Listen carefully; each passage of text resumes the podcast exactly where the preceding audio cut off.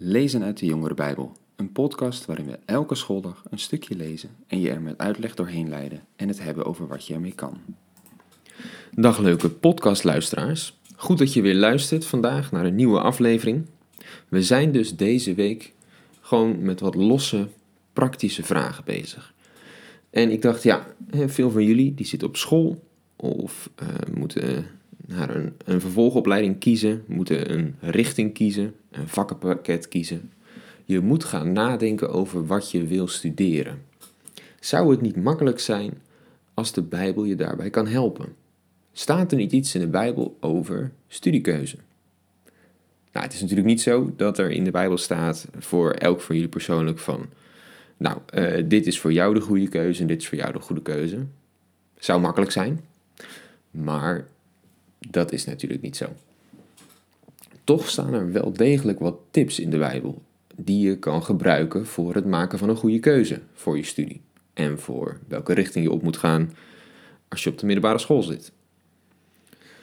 Um, ik wilde daarom gewoon eens wat teksten met jullie lezen en kijken wat we daaruit kunnen halen. Nou, iemand die ook een keuze moest maken over zijn carrière, dat was Paulus zou je misschien niet direct van hem verwachten. Wij kennen natuurlijk vooral de verhalen dat hij heeft rondgereisd en niet per se dat hij op school zat of zo. Maar hij zegt wat over zijn eigen carrière en keuzes in een van zijn brieven die hij later aan de gemeente in Filippi schrijft. In de Filippenzenbrief, in hoofdstuk 3, zegt hij daar wat over. Laten we dat lezen. Vanaf vers 5 staat daar, als hij net heeft gezegd, dat sommige mensen zichzelf eh, heel wat vinden door alles wat ze bereikt hebben en wat ze gestudeerd hebben en zo. En Paulus zegt, nou, ik, uh, ik zou dat ook kunnen zeggen van mezelf. Ik heb ook een goede carrière gehad. Dus dat gaat hij dan even vertellen. Hij zegt dan bijvoorbeeld, nou, ik werd besneden toen ik acht dagen oud was en ik behoor tot het volk van Israël, tot de stam van Benjamin. Ik ben een geboren Hebreeër met de wetsopvatting van een Farizeeër. Ik heb de gemeente fanatiek vervolgd. En ten aanzien van de rechtvaardigheid die de wet voorschrijft, was er op mij niets aan te merken. Hij zegt dus eigenlijk in ogen van mensen van die tijd had ik alles wat goed was, wat positief was. Hij, was hij hoorde tot het volk, tot een goede stam. Uh, hij hoorde zelfs tot een clubje, de Fariseërs, die, nou, dat, die vonden mensen helemaal goede mensen, want zij waren altijd bezig met hoe kan ik nou zo goed mogelijk die wet die God gegeven heeft doen. Hij was besneden, dus hij tikte alle boxjes aan om uh, door mensen in een goed daglicht te staan. En hij zegt zelfs onder die fariseërs uh, was ik fanatiek en er was niets op mij aan te merken.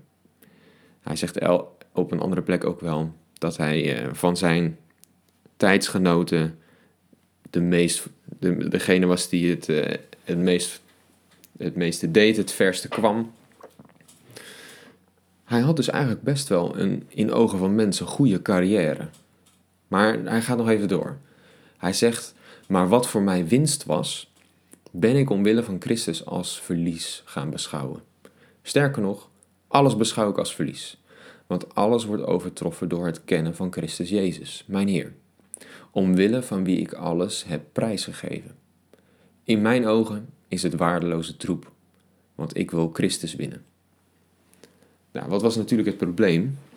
In ogen van mensen had hij misschien een soort van uh, het hoogste bereikt wat je kon hebben in die tijd. Uh, was hij in ieder geval zo heel goed bezig en uh, was hij voor God goed bezig. Mensen vonden hem fantastisch.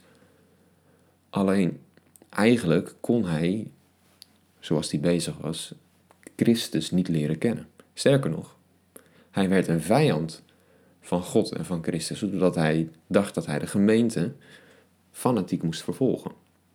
Dus eigenlijk zijn carrière, die in ogen van mensen juist zo fantastisch was, die leidde hem weg van God. En daarom zegt hij, ja, ik heb alles maar aan de kant gegooid. Want wat is nou belangrijker? Dat je in ogen van mensen een goede carrière hebt? Of dat je God leert kennen, dat je Christus leert kennen. Dat is uiteindelijk veel belangrijker. Hè? Wat mensen van je vinden, dat is hier op aarde eventjes goed, maar dat kan zo weer weg zijn. En God, ja, dat is natuurlijk een veel groter iets. Dat, dat gaat veel verder. Dus in de ogen van de mensen had hij misschien een goede carrière, maar daardoor mist hij juist de dingen die er echt toe doen. Nou, dit lees ik niet omdat ik uh, jullie wil vertellen dat uh, alles wat mensen goed vinden, dat je dat vooral allemaal niet moet doen. Dat je alles moet weggooien en alleen maar dingen voor de kerk moet doen. Dat natuurlijk niet. Maar het is natuurlijk wel zo dat je de goede vragen moet stellen. Wat is nou eigenlijk echt belangrijk? Is dat wat mensen belangrijk vinden? Is dat wat andere mensen belangrijk vinden? Wat, wat in de ogen van de wereld de goede keuze is? Of zijn er sommige dingen die belangrijker zijn dan dat? En bijvoorbeeld, in de wereld draait het om dat je zo goed mogelijk studeert, zodat je een zo goed mogelijke baan kan hebben met een zo hoog mogelijk salaris. Dan heb je het gemaakt. Carrière maken, noemen we dat. En toch, dat is het belangrijkste. Maar de Bijbel is daar toch iets minder positief over. Want heel vaak gaat het je dan om het geld. De wereld draait om het geld. En daar zegt de Bijbel specifiek over: als je, als, dat, als je dat het belangrijkste vindt, geld verdienen, als het allemaal om, ook bij jou om geld draait, eigenlijk kan je dan niet ook tegelijkertijd goed je op God richten. Het zit je relatie met God in de weg. En er komt een rijke jonge man naar, naar Jezus toe, die verder alles voor elkaar heeft in het leven. Ook goed leeft, alles goed doet. En hij vraagt aan Jezus, nou wat moet ik nog meer doen? Jezus die zegt tegen hem, ja je rijkdom zit je in de weg. Je kan verder alles wel goed doen, maar doordat je zo op geld gefocust bent, zal je niet bij, uh, je op God kunnen focussen. En hoor je uiteindelijk niet bij Hem. Dus dat moet je allemaal wegdoen. Nou ja, dat is natuurlijk een bittere pil voor die uh, jonge rijke man. En dan zegt Jezus dus ook: het is makkelijker voor een kameel om door het oog van een naald te gaan, onmogelijk dus, dan voor een rijke om bij God te horen. Als je echt je uitstrekt om rijk te worden, eigenlijk leidt dat je altijd verder van God vandaan. Als je altijd maar bezig bent met geld, ja, het is een soort verslaving. Hè? Hoe meer je hebt, hoe meer je wilt. Hoe meer aandacht het van je vraagt. Het leidt je af van al die dingen die eigenlijk echt belangrijk zijn in het leven. Ook van je goede relaties. Dus ja, als je nadenkt over je studiekeuze, dan moet je wel de goede vragen daarbij stellen. Zoveel mogelijk geld verdienen is wat mij betreft en wat de Bijbel betreft ook, dus niet per se een belangrijk iets. Of wat mensen het belangrijkste vinden, wat in hun ogen het hoogst haalbaar is, dat is ook niet per se het belangrijkste. Daar gaat het niet om. Stel de vragen die er echt toe doen en niet dat soort dingen. Nou, toch, de Bijbel heeft het ook wel vaak over dat je gewoon mag doen waar je goed in bent. Ook als je daar goed geld mee kan verdienen. Want het is niet verkeerd om rijk te worden of goed geld te verdienen. Het gaat er meer om hoe jij er in je hoofd mee omgaat. Als je altijd maar bezig bent met rijk worden, dat is verkeerd. Niet dat je gewoon je werk doet wat je leuk vindt en er toevallig ook nog rijk mee wordt. Dat is anders. Maar de Bijbel die heeft het dus regelmatig over dat God je heeft gemaakt heeft gemaakt met dat je bepaalde dingen goed kan. En dat mag je gewoon gaan doen. Daar mag je mee aan de slag gaan. Het gaat erbij wel vaker over dat je uh, dingen goed kan doen en mag doen voor de kerk. Dus dat is iets beperkter. Daar schrijft bijvoorbeeld Paulus over in Romeinen 12. Dan uh, vergelijkt hij de groep mensen die bij elkaar kunnen komen in een kerk als een lichaam.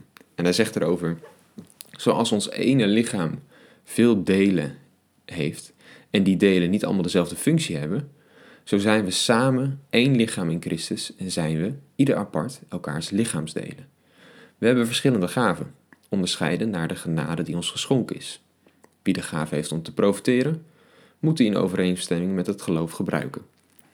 Wie de gave heeft om bijstand te verlenen, moet bijstand verlenen.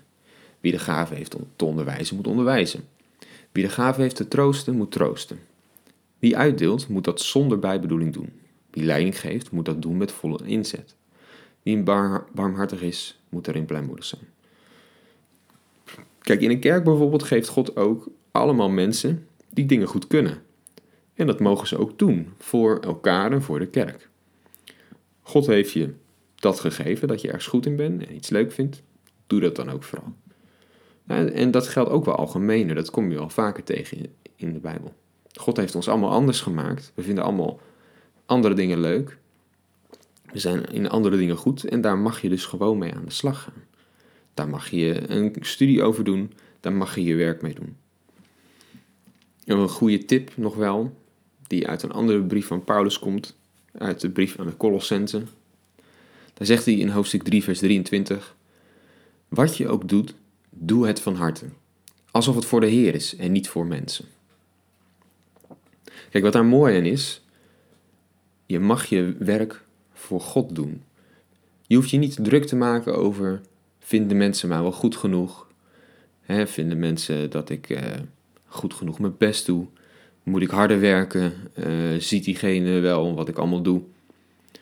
Dan ben je zo bezig met mensen en wat mensen van je vinden en of mensen je wel leuk en goed genoeg vinden. Dat is heel vermoeiend en dat kan je heel veel stress geven. Maar hoe mooi is het als je gewoon het mag doen voor God, die je zo gemaakt heeft, die je heeft gegeven dat je bepaalde dingen goed kan doen. En je hoeft bij hem je ook niet druk te maken over of hij je wel leuk genoeg vindt. Hij vindt je fantastisch, hij heeft je zo gemaakt. Ja, dus als we het dus hebben over die studiekeuze, wat je moet kiezen. Ik heb je eigenlijk vooral willen laten zien dat het niet het belangrijkste is dat je een studie kiest waar je rijk van wordt, ook niet dat je een studie kiest die zo hoog mogelijk is, omdat de mensen vinden dat je vooral zo hoog mogelijk moet presteren. Dat zijn niet de goede vragen. God die heeft jou gemaakt, die heeft ervoor gezorgd dat jij bepaalde dingen leuk vindt, dat je bepaalde dingen goed kan. Daar mag je je keuze op maken. Je mag doen wat bij je past wat God jou gegeven heeft om te doen. En dan vooral, doe je werk en je studie, doe het van harte. Niet voor mensen, dus niet zodat mensen je leuk vinden of je goed genoeg vinden. Maak je daar vooral niet druk om. Doe het voor God. Geniet ervan hoe tof Hij het vindt dat jij zo gewoon lekker bezig bent. Ik denk dat dat het beste uh, studieadvies is wat ik kan geven vanuit de Bijbel. Dat was het voor vandaag. Morgen gaan we verder.